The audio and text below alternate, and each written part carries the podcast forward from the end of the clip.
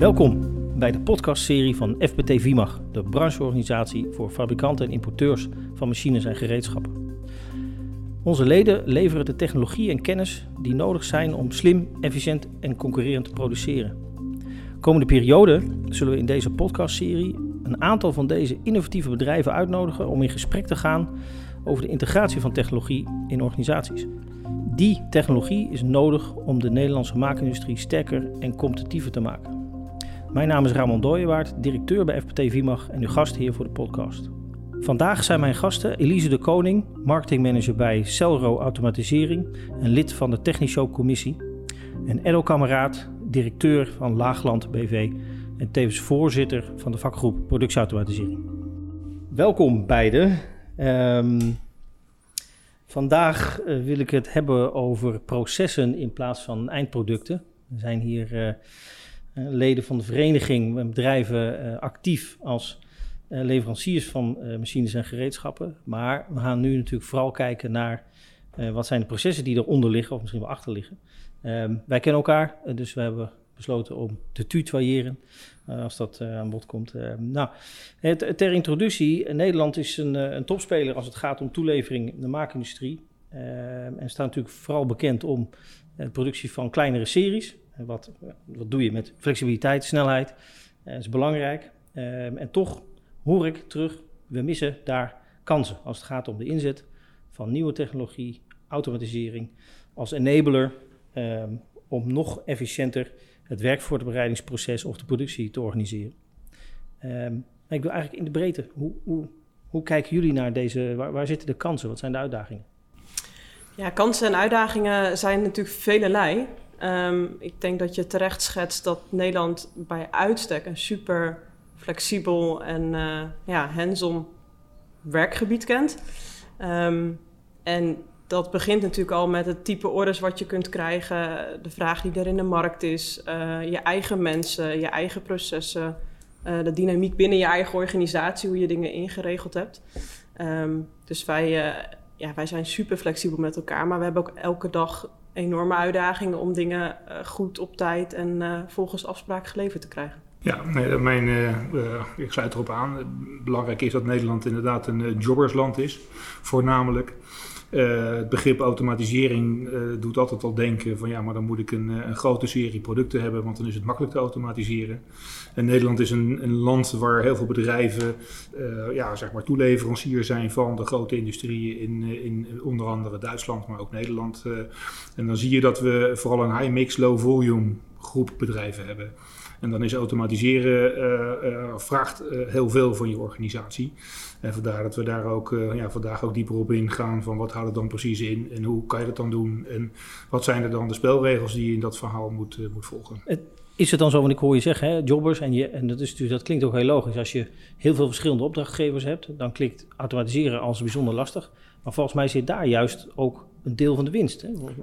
Ja, dat klopt. Als je dus zeg maar, uh, belangrijk is dat je dan toch uh, gaat zoeken naar, naar de standaardisatie binnen dit proces. En dan zullen dat ja, kleine stukjes zijn die je in je proces toch gaat standaardiseren. Om ervoor te zorgen dat je ja, zeg maar wel heel flexibel en heel snel kan omschakelen in je proces. En dat is gewoon heel belangrijk, want je weet gewoon niet wat de vraag volgende, volgende week of volgende maand of volgend jaar is. Maar je wil wel je organisatie uh, zo efficiënt mogelijk inrichten dat je er heel snel op kan inspelen. Nou, dat vraagt een, uh, ja, het, het, opknippen van je proces in kleine standaardstukjes. Waarbij je heel snel in staat bent om een andere combinatie te maken van dat, uh, in dat proces. Ja, en daarbij natuurlijk ook echt het borgen van, van, van je programma's, van, je, van de manier waarop je je flows inricht, de manier waarop mensen met uh, machines omgaan, ze hun werkvoorbereidingen doen. En dat lijkt heel complex als je het op orderniveau uh, bekijkt, op, op klantniveau. Um, maar er is zeker wel heel veel mogelijk als je dat wat uitzoomt en daar van een ja, wat groter afstandje naar, naar kijkt. En daar zit, zien wij heel vaak echt wel al heel veel winst. Nog zonder dat je dingen heel moeilijk en, en complex maakt. En, en bedoel je dan ook letterlijke winst, zeg maar? Hè? Want het is, ik vind ook vaak, het is vaak een moeilijke een moeilijke stap om te begrijpen. Efficiëntie begrijpen we allemaal. Hè. Klinkt, klinkt al als winst, maar is het dat ook echt? Zie, kun je ook echt vertaling maken van die stappen die je dan zet? Bedoel, dan kun, kun, je dan meer klanten aan? Kun je andere klanten aan? Kun je kun je, je processen beter inrichten, waardoor je, nou ik noem het maar zo, meer winst kunt maken in je lopende proces? Ja, uiteindelijk wel. Kijk, het eerste is natuurlijk dat je, dat je rust organiseert in je eigen organisatie. En dan heb je al heel veel gewonnen binnen je eigen, eigen deuren. En als je daar nog een stukje focus aan toe kan voegen, omdat je weet waar je goed in bent. Ehm, en dat uitbouwt en daar nieuwe klanten op zoekt, dan ga je nog wat meer, misschien wel specialiseren voor je gevoel. Ehm, maar dan doe je alleen maar meer van hetgeen wat je al, al kunt, of waar je al machines en, en gereedschap en automatisering voor hebt ingericht. En daar, uh, daar is indirecte, maar echt directe winst te halen, absoluut. Ja, daar sluit ik me op aan. Als je inderdaad in staat bent om uh, door het inrichten van je proces je kosten zeg maar, uh, naar beneden kan krijgen. Uh, door efficiënt te werken en je bent in staat om een kostleader te worden. Dat betekent dat als jij ja, je verkoopprijzen redelijk in, in, in, in, constant kan houden, dat je dus meer winst gaat maken. Ja. Terugverdientijden van, van allerlei ja, soorten van automatisering worden ook steeds korter. De automatisering, de software is uh, steeds meer standaard. En dat betekent dat de implementatietijd veel korter is en dus ook heel snel uh, ja, uh, terugverdiend kan worden. En dat is wat, je, wat wij ook zeg maar, kunnen laten zien met rekenvoorbeelden. hoe snel verdien je nou een investering terug? Nou, dat is iets wat dan direct ook meetbaar gaat worden in je, in je, proces. Ja, en ik denk dat dat natuurlijk ook kan me voorstellen van als je ondernemer bent in, die, in die metaalketen dat je exact wat je nu aangeeft, je bent natuurlijk eigenlijk vaak projectgedreven. Dus je hebt het over een kop en een staart. En dat is, is zo lastig in zo'n proces. Want dan heb je het idee dat je inderdaad de hele club moet omgooien. Uh, terwijl je misschien niet direct zicht hebt in ieder geval op... Ja, wat, wat, wat, komt daar nou uit dan? Hè? Ik bedoel, los van nogmaals, die efficiëntie die snap je denk ik wel. Maar dan gaat het natuurlijk om van ja... Waar zit de kop in de staart? Als ik eenmaal begin, kom ik dan in een soort traject waar ik het einde niet meer kan vinden.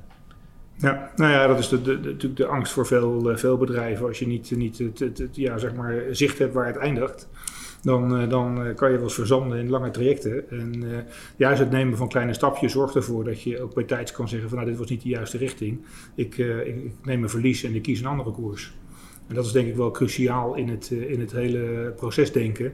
Uh, continu evalueren en continu besluiten van nou, zit ik op de goede weg of niet. En, en kan ik uh, bijsturen. En, en uh, ja, het is een beetje, hadden het net over zeilen. Nou, het is exact als zeilen. De wind draait continu. En je kan niet één rechte koers varen zonder dat je continu aan het trimmen bent. of je moet af en toe gewoon je koers verleggen omdat de wind zodanig anders is. En dat moet je dus continu, permanent, moet je dat bijhouden. En dat is eigenlijk het, de hele filosofie erachter. Het is niet een proces wat je nu drie maanden doet en dan zes maanden niks. Continu ben je daarmee bezig. Interessant is daar natuurlijk van dat dat, dat vergt ook iets van skills. Als het gaat om vaardigheden van management, directie. Uh, hoe kijk je daarnaar, Elise? Ja, zeker. Ik, uh, ik wilde inderdaad net zeggen, je hebt heel veel kwaliteit natuurlijk van mensen in het bedrijf. Uh, en ook heel veel al kennis van mensen in het bedrijf. Maar op het moment dat je je visie meer gaat vormen en ook um, ja, je toekomst voor jezelf ook helderder maakt en daarin focus pakt en dan vervolgens inderdaad die kleine stapjes in het proces. Dan heb je, heb je absoluut mensen nodig die bereid zijn om te veranderen. Misschien is dat nog los van skillset, maar mensen die met een, ja, een innovatieve, moderne visie kijken naar de, naar de toekomst van uh, onze maakindustrie en ook van hun eigen bedrijf. En hetgeen wat ze hun klanten kunnen en willen, willen bieden. Um, en dan zou ik zeggen, ja, maak gebruik van de kennis die je hebt probeer dat vast te leggen, te borgen, over te dragen. En niet van die ene man of ene vrouw af te laten hangen. Um, maar verder door te ontwikkelen. En ja, wat meer, ik noem het maar even bedrijfskundige skills in het algemeen. Ten opzichte van echt, ja, wat ik waanzinnig vind aan de industrie. Gewoon vakidioten. Dat zijn er echt heel, heel veel. En dat is echt heel leuk. En dat brengt ze denk ik ook heel ver. Maar ja, goede met, met wat meer bedrijfskundige achtergronden en inzetten. Zoals je die nu wel ook wel veel bij jonge ondernemers weer uh, steeds meer gaat zien. Ik denk dat dat een hele mooie combinatie is, die ook belangrijk is. Ja, en ik, ik hoor jullie ook zeggen, ik hoorde net Edo en ik, ik, hoor dat nu ook terug. Ik denk, het klinkt, klinkt heel tegenstrijdig, hè, dat je zegt, aan, je moet eigenlijk ook standaardiseren om te innoveren. ik maak er maar even een mooie eh, one-liner van. Uh, maar, maar, zo klinkt het inderdaad. Hoe, zit dat? Nou, het is, het is inderdaad exact dat je uh, standaardiseert in, in, hele kleine bouwblokjes. En eh, dat je die bouwblokjes op een flexibele manier in elkaar kan zetten. Dat is het belangrijkste waar je naar, naar kijkt. Het is een beetje de Lego Challenge. Je hebt een, een standaardisatie in, het, eh, in de interfaces, in de blokjes, in de, in, de, in de componenten die je gebruikt. Maar je kan ze naar believen op een andere manier samenstellen. En daarmee kan je dus andere dingen bouwen. En ja, dat is wel een hele belangrijke. Want uh, ja, zeg maar, die standaard zorgen er wel voor dat het proces ook voor de, voor de, voor de buitenwereld herkenbaar blijft. Want je ziet namelijk herkenbare stukken continu terug. Want als het iedere keer anders is en iedere keer zijn de, is de basis ook weer anders, dan wordt het uh, voor heel veel mensen niet meer te volgen. En ga je kans op fouten krijgen, et cetera. Hoe zien jullie, um, hè, want wij, de, de vereniging FPT heeft 150 uh, leden, dus jullie zijn daar twee vertegenwoordigers uh, van. Hoe, zie je de rol zeg maar, van, die, van die, ik noem maar even de groep, als het gaat om het, het voortbrengen van eigenlijk het ja, het naar binnen duwen van deze kennis in de markt? Ja, het mooie van zo'n groep is natuurlijk dat je heel veel kennis en specialisme met elkaar hebt. Dus iedereen heeft zijn eigen specialiteit en is ook bereid om dat te, te delen. Uh, Nederland is niet, ook niet zo heel groot, dus je bent ook redelijk op elkaar nou, aangewezen, misschien nog niet, maar je bent wel betrokken bij elkaar. Um, dus ik, de groep kan daarin heel veel doen. Uh, het is natuurlijk nog steeds wel voor elk bedrijf een beetje zoeken, ja, wie moet ik nou als eerste hebben en waar begin ik nou? En uh, ja, elke leverancier bevragen op hoe hij zijn toekomst ziet, hoe hij jou daarbij kan helpen. Uh, en ja, hoe hij dat kan faciliteren. Inderdaad ook in die, in die koppeling, in interactie met andere stapjes. Want ook als je die kleine stapjes goed maakt, dan moet je ze uiteindelijk natuurlijk wel steeds meer aan elkaar gaan verbinden. Dus, maar de groep aan zich is natuurlijk, ja, het is goud dat je een groep hebt waar je al die info uit kan, uh, kan halen. Ja, en wordt, wordt daarin samengewerkt? Ja, steeds meer. Uh, er is natuurlijk altijd nog wel een vorm van, van concurrentie uh, binnen die 150 bedrijven. Maar de grote kracht van die 150 is, is dat je natuurlijk samen de complete Nederlandse maakindustrie bezoekt dus je ziet heel veel, we, we, we, eigenlijk we, zien alle bedrijven uh, uh, die in Nederland in de verspaling zitten. En uh, ja, dus de lessons learned die je hebt van processen die ergens in gang zijn gezet, die komen toch op de een of andere manier weer terug in die groep. En worden hergebruikt om bij anderen ja, zeg maar weer toe te passen. Dus we maken daar nog weinig gebruik van. Ik denk dat we de kracht nog ja, zeg maar eigenlijk volledig onbenut laten. Ja, en dat dat ja, door samenwerking met, met de andere brancheorganisaties en door samenwerken met, met elkaar, ja, dat, dat die, die potentie eruit kunnen halen. En daar kan de Nederlandse maakindustrie ook, ook van profiteren. Ja. Want we zijn een kennis, kennisdragende groep. ja. Nou, precies. En die, en die kennis, die, die, ik wil toch nog heel even noemen natuurlijk, in die kennis één keer in de twee jaar, dan laten we een belangrijk deel van die kennis natuurlijk zien op de Technishow. Uh, nou, vorig jaar weten we allemaal, toen was er helemaal niks in beurzenland. Maar de verwachting is natuurlijk, 2022 gaan we weer met elkaar. Ehm, en, en hoe laat je dan, zeg maar, hoe laat je dan, ik hoor, jullie dat nu ook zeggen, je hebt eigenlijk lessons learned, dus inderdaad natuurlijk heel logisch. Je komt bij al die bedrijven letterlijk over de vloer. Je ziet wat er gebeurt, je ziet wat er nodig is. Over de volle breedte, dan kun je natuurlijk ook een aantal vergelijkingen maken van een, van een serie van bedrijven. Hoe, hoe, hoe laat je dat nou zien op een beurs? Goeie vraag. Um, klassiek aan een beurs is natuurlijk dat je iets in je hoofd hebt waarvoor je naar zo'n beurs uh, gaat. Uh, een technische heeft een lange historie, dus mensen hebben een soort beeld bij wat ze daar kunnen en willen, willen vinden. Um, mijn ervaring tot nog toe is dat dat best wel veel op het product en op de oplossing gericht is. En naar mijn mening zou ook beurzenland juist veel meer moeten focussen op die, op die integratie. Um, en niet alleen ja, je staat daar toch een beetje ieder voor zich, ook als leveranciers. Ook een klant heeft natuurlijk het recht om naar mensen toe te gaan waar hij een klik mee heeft en waar hij denkt dat, uh, ja, dat ze meerwaarde kunnen bieden. Um, maar als je met beurs en als, als, ja, als vereniging tijdens zo'n beurs dat integratiestukje erbij kan doen, ik denk dat je dan heel veel toevoegt voor de, voor de bezoeker. En we hebben natuurlijk mooi initiatief gedaan met ontbijtsessies en uh, wat inspirerende sprekers. Um, en dat, ja, dat is spannend, want je hebt natuurlijk je beursbezoek, je staat daar, je wil mensen te woord staan en je wil een stukje integratie en, en ketendenken laten zien. En uh, ik ben wel benieuwd uh, na 2022 ook, hoe we daar meer, uh, meer invulling in kunnen geven. En mensen ook bewust van kunnen maken dat je niet alleen voor die ene nou ja, machine of dat ene programma of die ene leverancier naar die beurs gaat, maar uiteindelijk ook voor ja, inspiratie daadwerkelijk voor je, voor je productie. Ja, ik, ik, denk persoonlijk zelf dat een beurs uh, niet het juiste medium is om die kennis over te dragen. Een beurs is echt wel om contacten te leggen en dan een klein beetje een tipje van de sluier op te lichten. Maar ik denk dat als je die kennis wil delen in de markt, dat je daar continu mee bezig moet zijn door middel van workshops, door middel van podcasts, door middel van andere vormen van, uh, van kennisoverdracht. Dus ik denk dat die beurs is maar één keer in twee jaar en dat ben je niet in staat om in één klap uh, twee jaar kennis over te dragen. Dat gaat gewoon niet. Dus die beurs is een, een moment, één keer in de twee jaar, dat we de hele markt bij elkaar komt, dat de markt elkaar ontmoet. En dat we misschien inderdaad, wat ik net zei, tipje van de sluier kunnen oplichten. Maar we zullen eigenlijk een continu proces in gang moeten zetten van kennisoverdracht vanuit, uh, vanuit de federatie. En uh, ja, daar zijn diverse uh, media voor. En nou, dit is er in ieder geval één van. Ja, nou ja, de heel mooie nieuwe, nieuwe functie van inderdaad het overbrengen van kennis vanuit nou ja, de bedrijven en de vereniging. Um, Misschien wel enigszins ter afsluiting, maar ehm, ik denk zo'n zo'n podcast. Ehm, als je nou aan het eind van dit verhaal hebt geluisterd als ondernemer, uh, ja, dan hoop je natuurlijk toch dat er een paar tips en trucs zijn, denk ik dan. Of in ieder geval een, een, een misschien wel een algemeen advies. Hè. Wat, wat zou nou een advies zijn als je, uh, ik hoor jullie dat ook zeggen, ja, we hadden het net al even over kop en staart. En je wil, er zijn natuurlijk tig verschillende technologieën.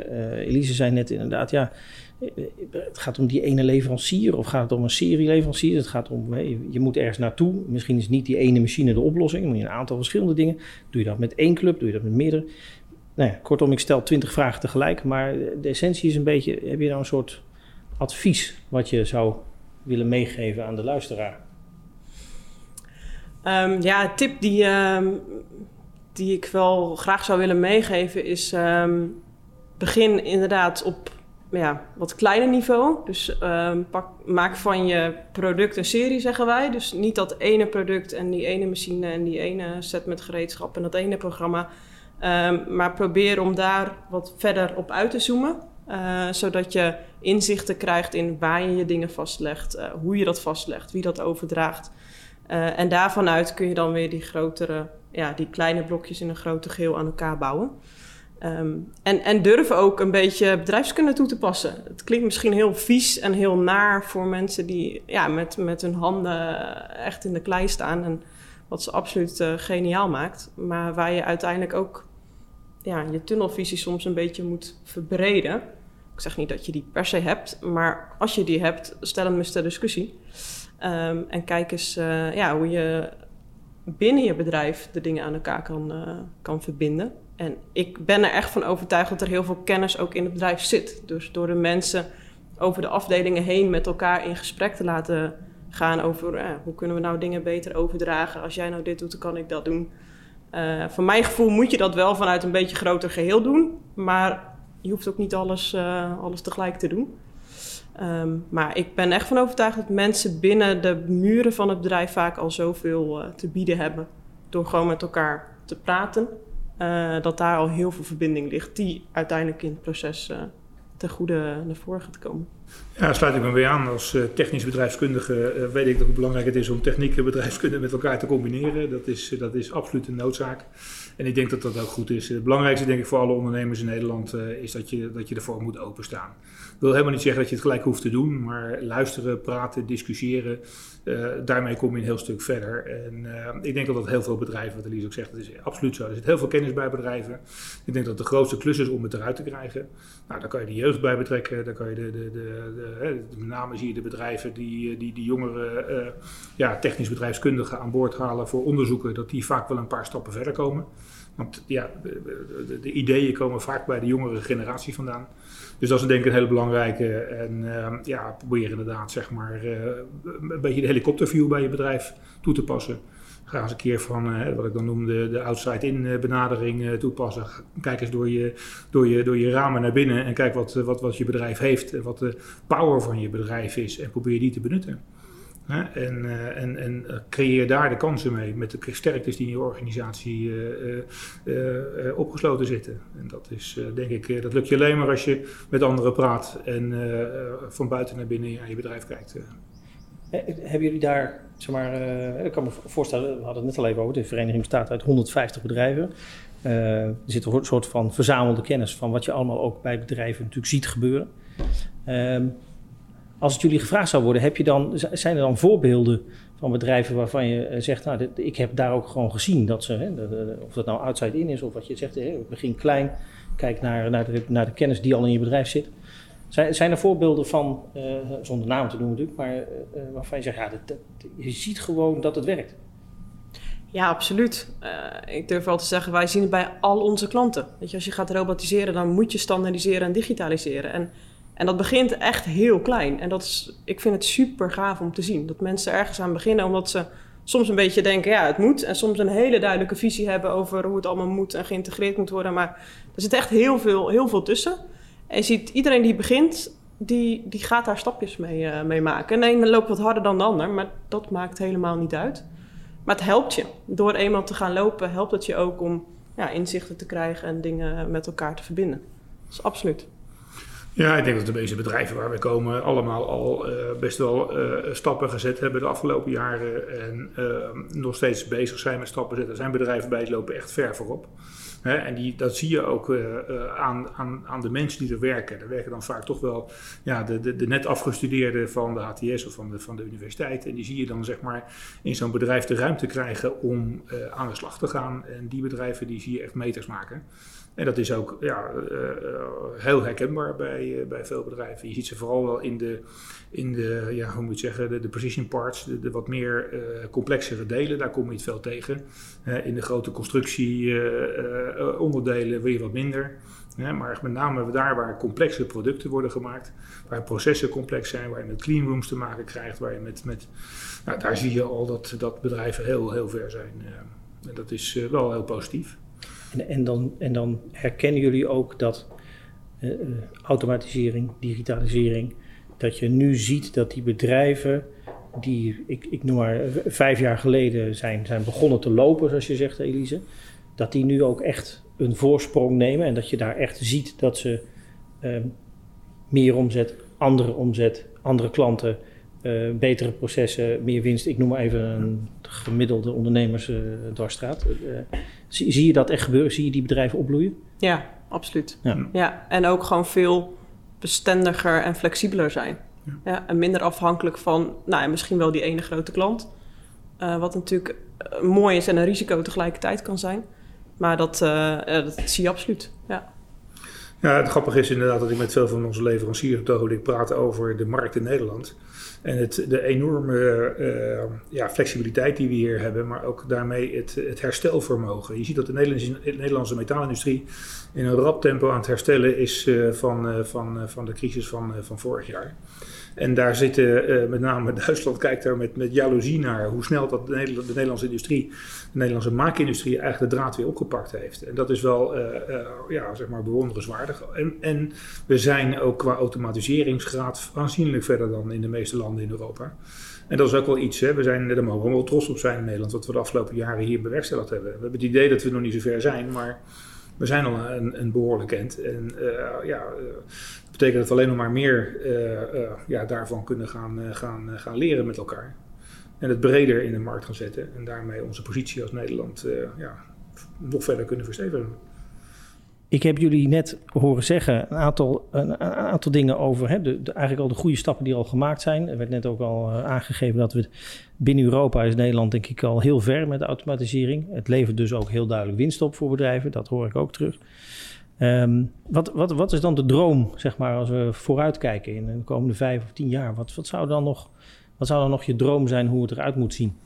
Ja, ik denk dat het, dat, uh, dat het allerbelangrijkste is dat we uh, ja, A, binnen de, de, de, de vereniging met die 150 leden misschien wel naar de 200 leden groeien. En dat we zeer geïntegreerd zijn met uh, de brancheverenigingen van de, onze toeleveranciers. Dat we daar echt een hele nauwe samenwerking mee hebben. En dat we in staat zijn om eigenlijk continu te leren van elkaar en, en proberen stappen te maken. Ik denk dat in het kader van Smart Industry is het ook een oneindig proces. We moeten steeds slimmer worden moeten continu blijven nadenken uh, over dingen uh, slimmer doen en, en, beter doen. En, en ja, ik denk dat dat zeg maar, als we dat echt in place hebben en we zijn er eigenlijk in cadans en we doen dat continu, dan denk ik dat we het, dan, dan zou dat wel mijn, mijn, mijn, mijn passie en visie zijn.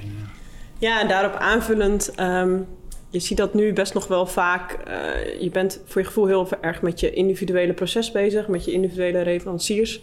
En eh, het zou geweldig zijn als je wat meer over die muren heen durft te kijken en ook wat meer bij elkaar in de keuken mag kijken. Want ik echt van overtuigd ben dat je er allebei beter van wordt. Eh, in plaats van eh, ja, het geheim niet prijs willen geven. En dat is best wel, kan best wel uitdagend zijn. Maar ik geloof er echt in dat als iedereen daar stapjes in maakt en zich daarin ontwikkelt, dat je dan met elkaar, eh, ook gewoon als ondernemers onderling, eh, elkaar heel erg kunt helpen en, en versterken. En daar absoluut beide beter, eh, bij, beide beter van wordt. Mooi. Dit is inderdaad een echte een mooie droom. En, maar die, die kon wel eens waarheid worden. Volgens mij ook binnen de vereniging wordt er actief op gestuurd om meer te gaan samenwerken. En eh, gelukkig mogen we ook weer, eh, nu het beter weer wordt en eh, we allemaal prikken krijgen en de pandemie zich enigszins laat rusten, kunnen we ook weer wat meer bij elkaar komen en dus ook meer die kennis onderling delen. Ehm, nou ja, met, met deze droom in het vooruitzicht kijk ik wel ook naar het industriebeleid. Formatie is aan de gang. Ehm, ongetwijfeld premier Rutte 4. Ehm, wat, zou dan, wat zou dan in feite het advies zijn wat jullie nog meegeven aan die formatie als het gaat om de realisatie van die droom? Nou, ik zou willen voorstellen om een ministerie van Industrie eh, eh, zeg maar op te richten. En dat daar eh, geleid door een ja, voormalig topondernemer om het ja, politieke los te gaan laten en veel meer te kijken naar industriebeleid. Eh, de politiek eh, eh, eilt na. De industrie heeft hoog tempo. Ik heb het gevoel dat men in Den Haag ja, ziet wat er tien jaar geleden gebeurde. En dat we met name een visie moeten hebben. En we hebben als Nederland vanuit de politiek op dit ogenblik geen visie op het, op het vlak van industrie. Dus vandaar dat ik een groot voorstander zou zijn van een ministerie van Industrie. met aan het hoofd, of in ieder geval iemand die er leiding van heeft, die ook weet wat daar gevraagd wordt in, in de wereld. En we zijn maar een klein landje en willen we een vuist maken, dan is dat de enige oplossing. In mijn optiek. Ja, tempo maken met elkaar. En daarop aanvullend ook eh, ja, industrie en techniek laten zien als, als high-end en, eh, en ja, mooi en belangrijke van toegevoegde waarde. En ook wel voor, voor alle, ja, moet ik zeggen, opleidingsniveaus, zeg maar. Van, van nou, mbo lager tot eh, WO hoger en universitair. Ik geloof dat je al die mensen in, in ja, techniek een baan kunt bieden. En dat er ontzettend veel te doen is. Terwijl dat nu eh, nog wel eens een beetje ja, te grijs afgeschilderd wordt. Terwijl er juist eh, ja, bizar veel ontwikkeling, innovatie en dynamiek is. En je ook, mijn beleving of mijn ervaring, ook heel veel ruimte krijgt om jezelf te ontwikkelen. En om echt iets toe te voegen van hetgeen wat je geleerd hebt of wat je wilt zijn. Dus het gebied van onderwijs zou daar ook eh, absoluut aandacht verdienen. Nou, we geven ehm, de formatie en het, eh, het eh, aanstaande kabinet mee dat er vooral ook inderdaad in onderwijs, eh, ook voor de industrie, geïnvesteerd moet worden. Ehm, is een belangrijk thema, want ook als, als vereniging FPT VIMAG hebben we onderwijs als onderdeel van de strategie meegenomen. En dat is niet zonder reden. Eh, we zien natuurlijk dat, we hadden het net, nou, zoals we hier zitten, ook vooral even over de verspanende markt. Nou, dan zien we dat de instroom, jongelui die gaan verspanen, leren voor verspaner, eh, dat gaat niet de goede kant op. Daar zijn grote zorgen over. Eh, we zien ook dat eh, bij de bedrijven in de markt dat eh, de uitstroom, oftewel eh, het aantal voornamelijk mannen op hoge leeftijd inmiddels, die binnenkort gaan uitstromen. Eh, daar zit een groot verschil tussen. Ehm, ook in de toekomst zal het lastig zijn om goed personeel te blijven vinden. En je moet ze ook nog eens gaan ontwikkelen inderdaad naar een steeds hoger niveau, waar we het ook al een aantal keren hier in dit gesprek over gehad hebben natuurlijk, dat het niveau wordt steeds hoger, het wordt steeds complexer. Ehm, dus ja, ook voor de vereniging is het een heel belangrijk thema. Ook iets waar we dus met die 150 bedrijven gezamenlijk naar kijken wat onze rol daarin is. En hoe we die rol invulling kunnen geven. En dat is met name, eigenlijk wat al een paar keer gezegd is, is met name natuurlijk die kennis om die te delen. Die kennis zit bij de bedrijven en die gaan we inzetten om dat onderwijs te verbeteren. Ehm, maar misschien wil je daar ook nog iets ehm, toevoegen. Ja, een paar punten. Ten eerste denk ik dat het onderwijs een, eh, een, eh, een, een zaak van, het, van, van de industrie zelf is. Dus daar zit de kennis en die moet je. De onderwijsinstituten vind ik een overheidsonderwerp, maar ik vind de kennis zelf, die zal je vanuit het, de industrie zelf moeten aandragen. Door middel van wat er nu gebeurt, heel veel ROC's of ROVC's waar, waar mee samengewerkt wordt. er wordt steeds meer aan learning pakketten ontwikkeld die gebruikt worden om mensen zeg maar, te kunnen opleiden die al een baan hebben of die nog uh, in het onderwijs zitten. Dus ik denk dat die samenwerking met de industrie cruciaal is. En dus vandaar weer een, ja, zeg maar, een moet dat hoog op de agenda staan bij het ministerie van Industrie en niet bij het ministerie van Onderwijs. Dus dat is denk ik uh, mijn eerste idee. Tweede punt is dat, uh, dat je je ook moet afvragen, als wij zien dat personeel in bepaalde vakgebieden schaars wordt, dan is de grote vraag, moet je je dan niet anders gaan organiseren, waarbij dat personeel ook in de toekomst niet meer nodig hebt en dat je met andere soort mensen aan de slag kan. Want anders blijven we vastklampen aan, we moeten die mensen hebben, we krijgen ze niet. En dan kom je in een cirkel terecht die niet uh, stijgende is, maar dalende is. Dus dan moeten we anders gaan denken, nou die mensen zijn er niet meer, die komen er ook niet meer, hebben interesse meer. Dan moet je je werk anders gaan inrichten. Nou, daar zal je de komende jaren ook een visie op moeten ontwikkelen. Van hoe moet dat dan wel uitkomen te zien? En hoe kunnen we die mensen die dan wel die interesse hebben, zorgen dat ze er weer een baan hebben in dat werk? Dus dat vraagt ook nog wel wat van ons uh, als, uh, als in de toeleverindustrie. dat je daar ook gewoon goed over na gaat denken. Dat je met de inrichting van je proces daar ook ja, eh, rekening mee gaat houden. En dat inderdaad de traditionele verspaler misschien wel inderdaad steeds schaarser wordt, maar dan zit op een andere manier moeten gaan, gaan, gaan, gaan, gaan, gaan organiseren. Ja, absoluut.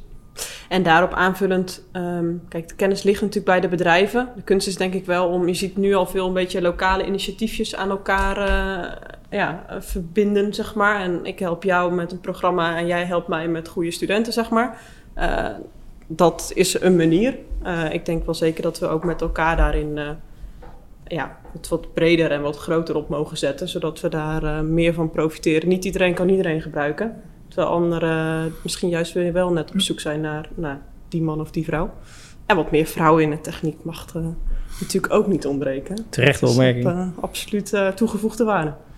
Terechte opmerking, en dat is absoluut zo. Er zijn nog steeds veel te weinig meiden en vrouwen in de techniek.